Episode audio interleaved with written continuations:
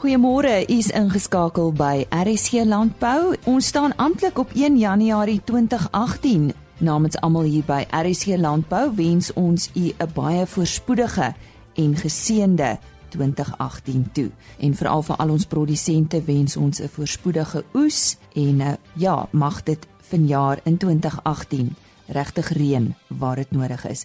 Op vandag se program ons gesels oor virus siektes wat tans voorkom oor stikstof en die belangrikheid as dit kom by peulgewasse en veral sojabone en ons praat ook oor die kleinvee bedryf. Ons sluit nou aan by Henny Maas en hulle fokus op die kleinvee bedryf. Ons uh, gesels nou weer met Albert Loubser van 'n uh, veeplaas en uh, ons gaan 'n bietjie gesels oor die kleinvee bedryf en miskien meer die ontwaking. Uh, waarom sou jy hierdie ontwaking toeskryf uh, Albert? Dink 'n uh, uh, mens moet miskien net eers voor begin in in vra is daar 'n ontwaking. Ehm um, in die in onlangse verlede het die kleinveebedryf uh onder geweldige druk gegaan van veral vee die stal en predasie. Soveel so dat 'n baie groot deel van die van die uh kleinvee uh wat ons uh wil amper sê gewoond was om op die hoofveld as deel van die van die van die veebedryf te sien het het uh, uh, uh, verdwyn. As jy so nou maar net dink daar was 'n uh, era gewees wat eh uh, eh uh, Ermelo die hoogste eh uh, wolproduksie in die land gehad het. Eh uh, en Ermelo is op die hoofveld. En ek dink dit het 'n uh, betekenisvolle skuif gemaak soos wat predasie en wat vir die stel druk op die veebedryf gesit het het dit al moeiliker en moeiliker geraak.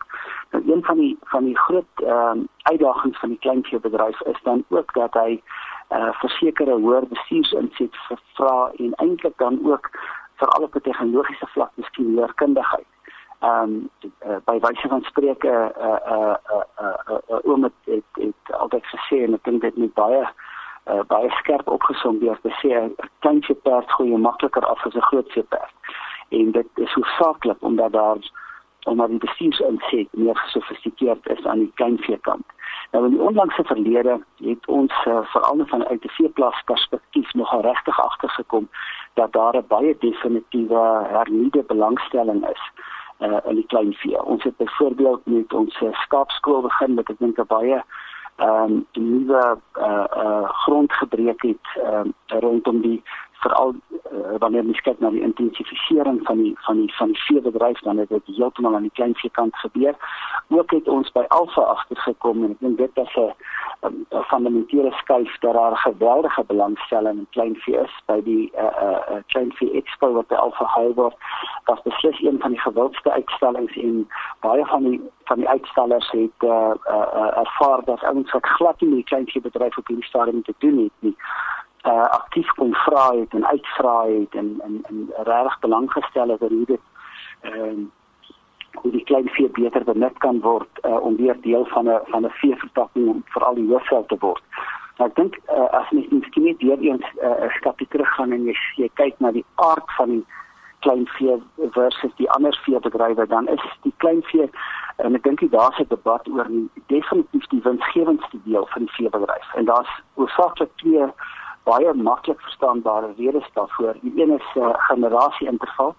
Ehm um, dit vat vir 'n klein vee dier maklike uh uh 'n uh, vir vir jaar se lammers van volgende jaar al lam terwyl van jaar se kalvers eers oor 3 jaar 'n uh, uh, kalf gaan lewer. Ehm um, dit maak dit makliker om jou om jou belegging aan die lewe te hou. En dan natuurlik die tweede ding en dis miskien waar die klein vee bedryf regtig die die groot stappe voorheen vorentoe geneem het van die ouer uh, luisteraars sal onthou dat uh seker maklik 20 jaar terug ehm um, uh, uh, in baie boerderye 'n uh, tweeling ehm um, uh, uh, ongewens was en as jy twee tweelinge gooi dan het jy harg uitgeskot want dit sou dan nou vir jou moeiliker wees om hierdie ooi uh op die veld in gang te hou dat na twee lammers moet kyk versus die een wat na een lam kyk. Vandag in die intensiewe stelsels op 'n minimum verwag jy 5 lammers in 2 jaar en dit maak baie ewe skielik die die speelveld baie anderster want met daardie tipe opbrengs op jou aanvanklike belegging maak jy verseker baie meer uh potensiële wins uit 'n klein vee opset as wat jy uit 'n groot vee opset gaan maak. En ek dink daardie twee faktore ehm um, uh, is besig om beide uh, as gevolg van die die ontwikkeling van tegnologie, maar ook as gevolg van die ontwikkeling van bestuurstelsels. ehm um, uh, uh, uh, makliker uh, of of veiliger te groei en dan werk dit in die klein vee baie beter as in groot vee en ek dink dit meer as enigiets anders ter sit agter die ontwaking van die klein vee bedryf wat ons in onlangse verlede ervaar het. Nou as jy praat van kleinvee dan verwys jy waarskynlik na skaap. Nee, nee, definitief uh, na skaap en bok. Ehm um, en dan moet jy natuurlik nie die melkbok nie presies vergeet nie. Ehm um, uh, ek dink dit is baie belangrik om dit van die kleinvee te onthou is dat die kleinvee uh, min of meer alles kan doen wat die grootvee doen. Uh kleinvee kan gemelk word, skaapmelk, uh, uh, uh, skape kan gemelk word as ook bokke ehm um, uh, klein vee se vleisverskaffers soos dit groot vee kan wees met verskillende vleisrasse maar dan het uh, klein vee hierdie wonderlike addisionele uh, bydrae wat hy kan lewer tot 'n uh, boer se beursie in vorm van vesel wat net sê dan nou wol of angora bokvesel kan wees. Ehm um, so 'n klein vee kan oor 'n baie wye spektrum inkomste lewer.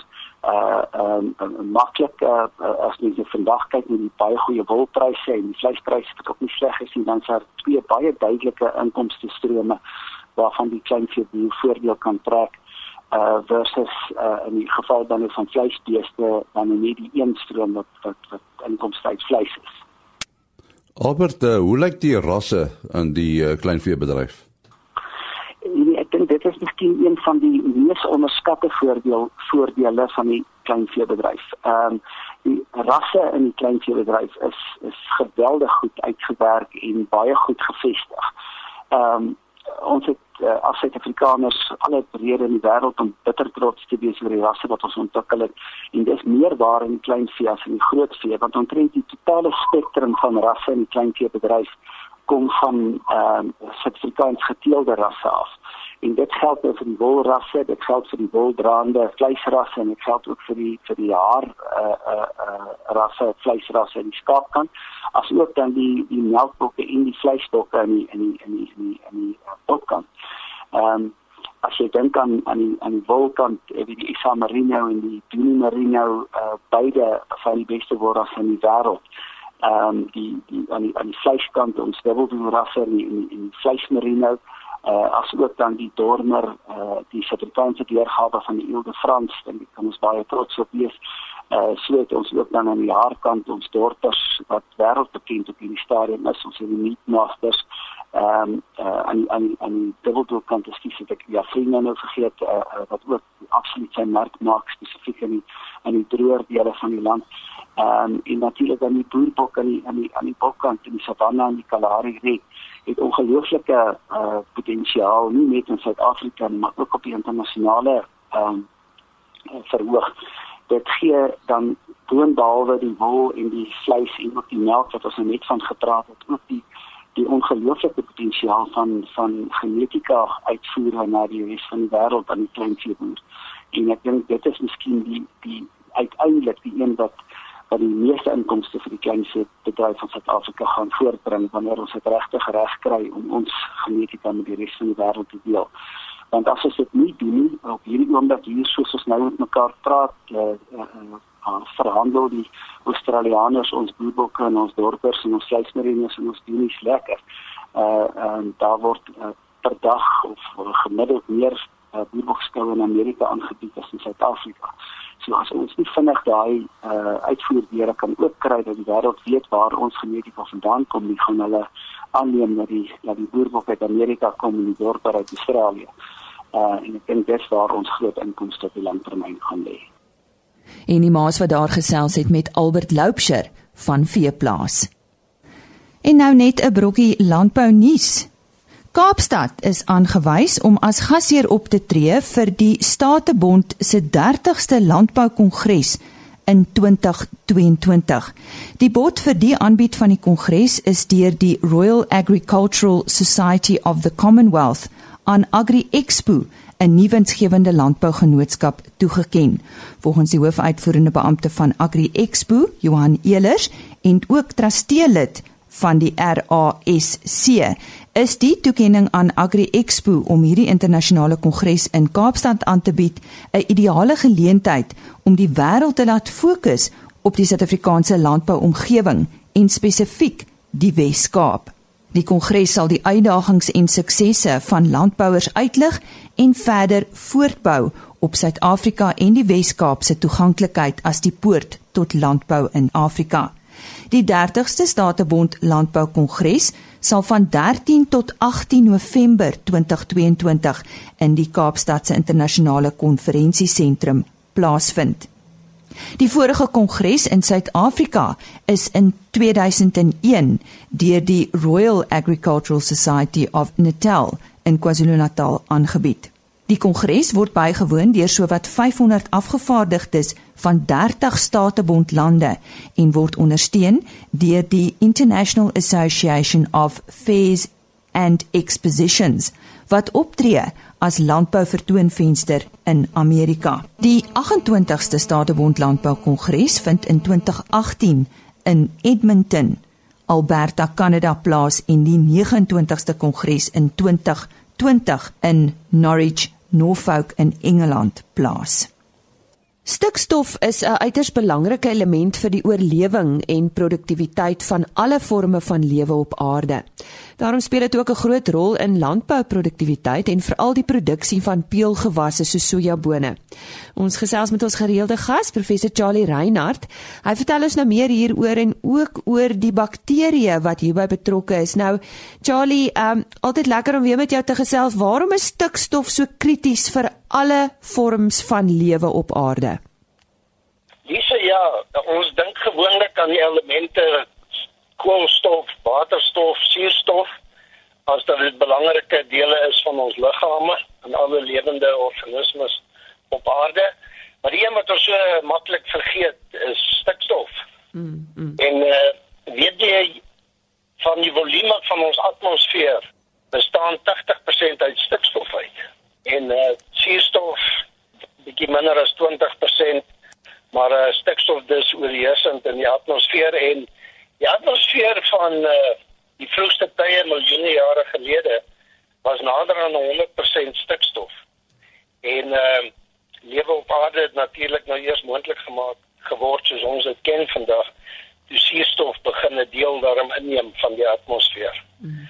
En uh stikstof natuurlik uh absoluut 'n uh, belangrike element in proteïene en diere plante, enige lewende organisme, uh is proteïene speel 'n kardinale rol. Ensieme is natuurlik maar deel van die proteïengroep en uh stikstof speel 'n allerbelangrike rol daar. Waarom is dit nou spesifiek belangrik vir peulgewasse? Ja, peulgewasse kan stikstof uit die grond uit opneem net soos enige ander plant. Maar peulgewasse het 'n ekstra meganisme om suurstof in die hande te kry. Wat hulle effektief onafhanklik maak van stikstof uh soos ander plante as 'n mineraal uit die grond uit op te neem. En dit het 'n uh, dit is te danke aan 'n assosiasie wat die plant vorm met 'n bakterie. Uh 'n groep bakterieë eintlik en die groep bakterieë noem ons Rhizobium bakterieë. Die meervoud is Rhizobia. Nou hierdie bakterieë uh, leef vry en onafhanklik in in grond. Maar uh, wanneer hulle uh, op 'n peulplant letterlik afkom en in nabyheid van 'n peulplant kom, dan herken hulle chemikalieë wat deur 'n peulplant afgeskei word. En hierdie afskeiding trek as dit ware lok die bakterieë aan na die wortelstelsel van die plant. En dan infekteer hierdie bakterie letterlik die plantwortels. Mm. Kleinste worteltjies, die wortelhare. En mm. in reaksie op hierdie infestasie uh word 'n knoppie gevorm. Dis dis 'n groeisel op die wortel. Mm. En die bakterie maak homself tuis binne in hierdie groeisel en 'n kolonie van bakterieë ontstaan daar. Nou nou is hulle direk in kontak met die vervoerstelsel van die plant, né? Nee? En wat hulle dan doen is, hulle pik nou vry stikstof. Stikstof wat in die atmosfeer kom, voorkom, noem ons uh, elementêre stikstof. Uh hy's net N. Die uh, ons gebruik die letter hoofletter N om stikstof aan plante dui en hierdie elementêre stikstof met geen ander verbinding met enige enige ander atoom nie kom vry in die atmosfeer voor. En onthou deel van die atmosfeer is die grondporee, né? Eh, in die grondporee is daar gasse en van die gasse is ook vry stikstof. Nou die plant neem hierdie vry stikstof op. Maar die plant kan niks daarmee doen nie want dit is nie reaktief nie.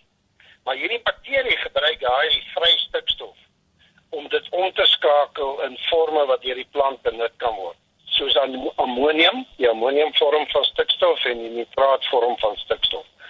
Met ander woorde, dis 'n meganisme vir 'n plant om suurstof wat andersins, uh, ekskuus, stikstof wat andersins glad nie deur die plant benut kan word nie, benutbaar te maak. Ja, Charlie, praat bietjie met ons oor die stikstof siklus. Ek dink dit is nogal belangrik. Uh, dit is belangrik, dit is net so belangrik soos die sogenaamde koolstofsiklus en die en die suurstofsiklus wat ons het uh, is die stikstofsiklus. Ek het reeds genoem dat omtrent 80% van ons atmosfeer bestaan uit stikstof.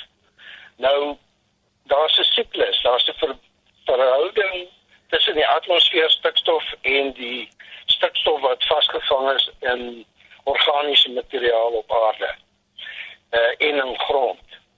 Nou om hierdie siklus aan die gang te hou, ek het reeds verduidelik stikstof word deur plante opgeneem en ingebind en ingebou in in proteïene byvoorbeeld en alle ander bestanddele in die plant en diere.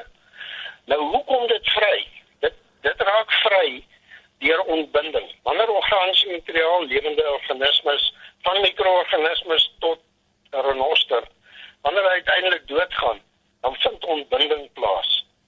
En in hierdie ontbindingsproses uh word ammonium vrygestel. Ons noem dit ammonifikasie. Nou ammonium is NH4. Dis dis daardie vorm van stikstof en dan baie vinnig.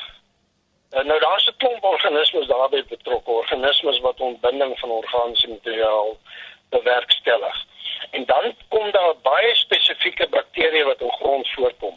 Nitrosomonas is die een se naam en die ander een is Nitrobacter en hulle skakel ammonium om na na die nitraatvorm. En die nitraatvorm van stikstof is NO3. Dit is die vorm waarin dit die maklikste deur plante opgeneem word. En uh die NO3 wat plante natuurlik nie opneem nie, beland in water wat dit nou ongewenste uh, effekte het. Ons wil nie graag stikstof in water hê nie. Maar uh beste situasie is dat die nitraatvorm van stikstof deur plante benut word en so uh, so gaan die siklus dan aan.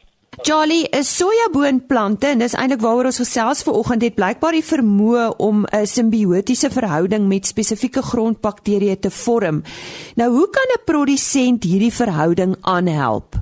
Ja, diese eh, sojabone is deel van die peulplantgroep en die bakterieë waarmee hulle eh, 'n verhouding vorm wat vir beide partye bevorderlik is, sogenaamde simbiose, is die Rhizobium bakterieë. Nou hoe die boere dit kan aanhelp is om natuurlik die plant in 'n gesonde toestand te hê. Ehm uh, hierdie Rhizobium bakterieë wat in daardie knoppies op die wortels hulle self tuis maak. Uh wanneer die plant swaar kry, kry hulle ook swaar. So hulle gaan net suksesvol wees om ekstra stikstof vir die plante verskaf wanneer die plante in 'n goeie toestand verkeer. Mm. So daar moet uh, goeie beste praktyke toegepas word om die sojabone en ander peulplante in 'n goeie toestand te hê. En dan help mense dit natuurlik aan alhoewel hierdie bakterieë van nature voorkom in grond. Is hulle hoeveelhede nie altyd sodanig dat hierdie knoppievorming en infektering van die peulplant effektief kan wees. Hmm. Daarom word hulle kommersieel geproduseer hierdie bakterieë en hulle word dan direk met die plant in aanraking gebring in die vorm van entstof. Ons doen dit entstof en saad van die peulplant word daarmee behandel. Met ander woorde as jy saadplant het jy onmiddellik die bakterieë in 'n noue assosiasie met die plant. En om af te sluit, kan ons gesels oor uh, die onkruiddoders wat uh, rhizobia by peulgewasse kan inhibeer. Miskien kan jy net vir ons produsente meer inligting gee daaroor.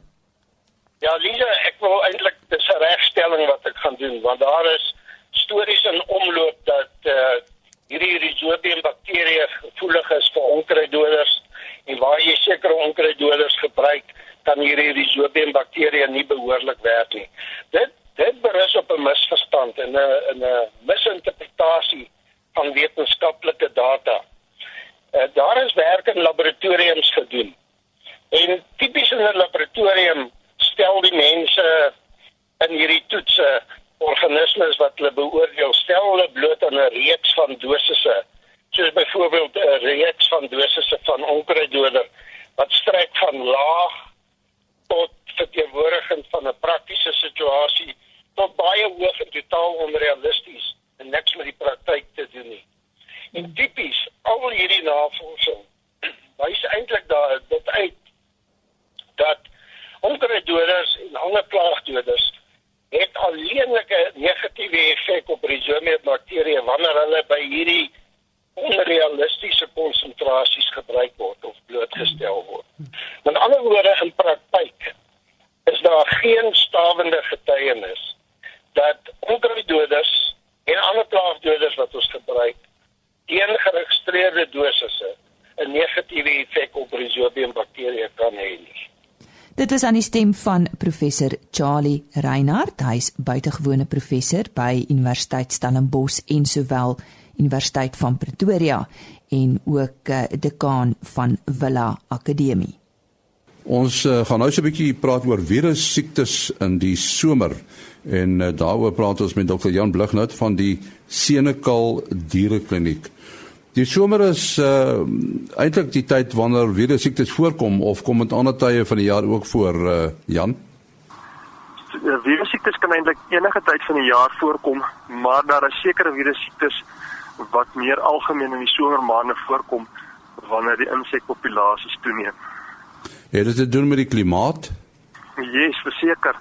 Ehm um, hoe warmer dit word en natter dit word, dan vermenigvuldig die insekte wat maar van die warmer klimaat hou en dan dra hulle baie van hierdie siektes oor aan die ander diere.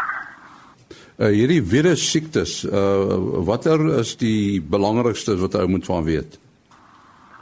Dit dit wissel van um, skape en beeste en perde, maar um, die belangrikste wat ons nou natuurlik na kyk is siektes soos drie dae stywe siekte, knopvel siekte, dan kry ons ook blou tong wat baie algemeen is.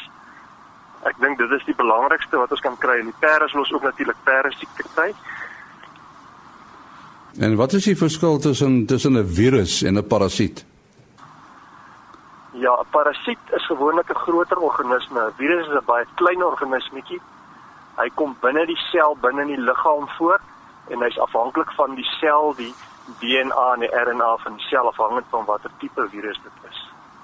Is die virus die meganisme van oordraging of uh, is die siekte self nou die virus? Ja, die virus self is verantwoordelik vir die siekte. Hy beïnvloed die ehm um, kom ons maar sê die die funksie van die selle binne in die liggaam self en dit ehm um, afhangend van die soort virus sal dan op die simptome van die dier laat vorendag kom. Dit lyk my alle lewende organismes is maar blootgestel aan virusse. Ja, nee, enige lewende organismes kan 'n virus kry van die kleinstes tot die grootstes. En kan 'n mens voorkom dat 'n virus uh, jou jou vee aanval? Yes, daar is baie van hierdie virussiektes wat ons deur inenting kan voorkom. Dan moet mens seker net betyds optree of hoe werk dit? Ja, ons ent gewoonlik hierdie diere op 'n jaarlikse grondslag. Ons begin redelik wanneer hulle jonk is sodra hulle gespeen word meestal. Um daardie tyd ent ons hulle na gee ons hulle so binne 1 tot 3 maande later weer 'n skraagdosis teen hierdie virusse en daarna jaarliks word die virus um herhaal um met behulp van 'n inenting. So so dit moet elke jaar herhaal word. Ja, dit is belangrik om die meeste van hulle elke jaar te herhaal. Daar is wel enkeles wat baie langer kan beskerm. maar ehm um, hulle hulle hulle hulle herhaling elke jaar verbeter jou weerstand sodat die dier nie maklik hierdie siektes kan kry nie. Hierdie proses van inenting, doen die boer dit self of is dit iets wat die veearts moet doen? Die boer kan dit self doen. Hy het nie nodig dat 'n veearts dit altyd vir hom ent nie. Ehm um, dit is redelik maklik om hierdie virus te doen solank 'n mens net by die basiese beginsels van die hantering van van eindstowwe hou soos om dit nie te veel bloot te stel in die son en hitte nie want ultraviolet en hitte kan natuurlik die virus vernietig indien dit Is daar sprake van nuwe virusse wat voorkom? Uh virusse kan muteer. Ehm um, maar dit is nie baie algemeen by die diere nie. Ons weet mos by die mense met die griepvirusse wat muteer, daar is van hierdie virusse wat ook um soortgelyk is wat diere aantas en hulle muteer wel, maar dit is nie algemeen by die siektes wat ons inneem. Ja, ons sê baie dankie aan uh, eh, Dr. Jan Blignou daarvan die Senekal Dierekliniek. Dankie Henny. Onthou môre oggend weer in te skakel om 05:30. Vir die volgende 3 dae gaan ons praat oor hondsdolheid. Ons eh, praat oor die erns van die saak. Ons praat ook van 'n 6-jarige dogtertjie wat verlede jaar dood is aan hondsdolheid. Dit is vir die volgende 3 dae, maar môreoggend praat ons ook met Afriwet oor uh, wild en vee wat saam wy en die gevare daar rondom as dit by siektes kom. Tot môreoggend dan. Totsiens.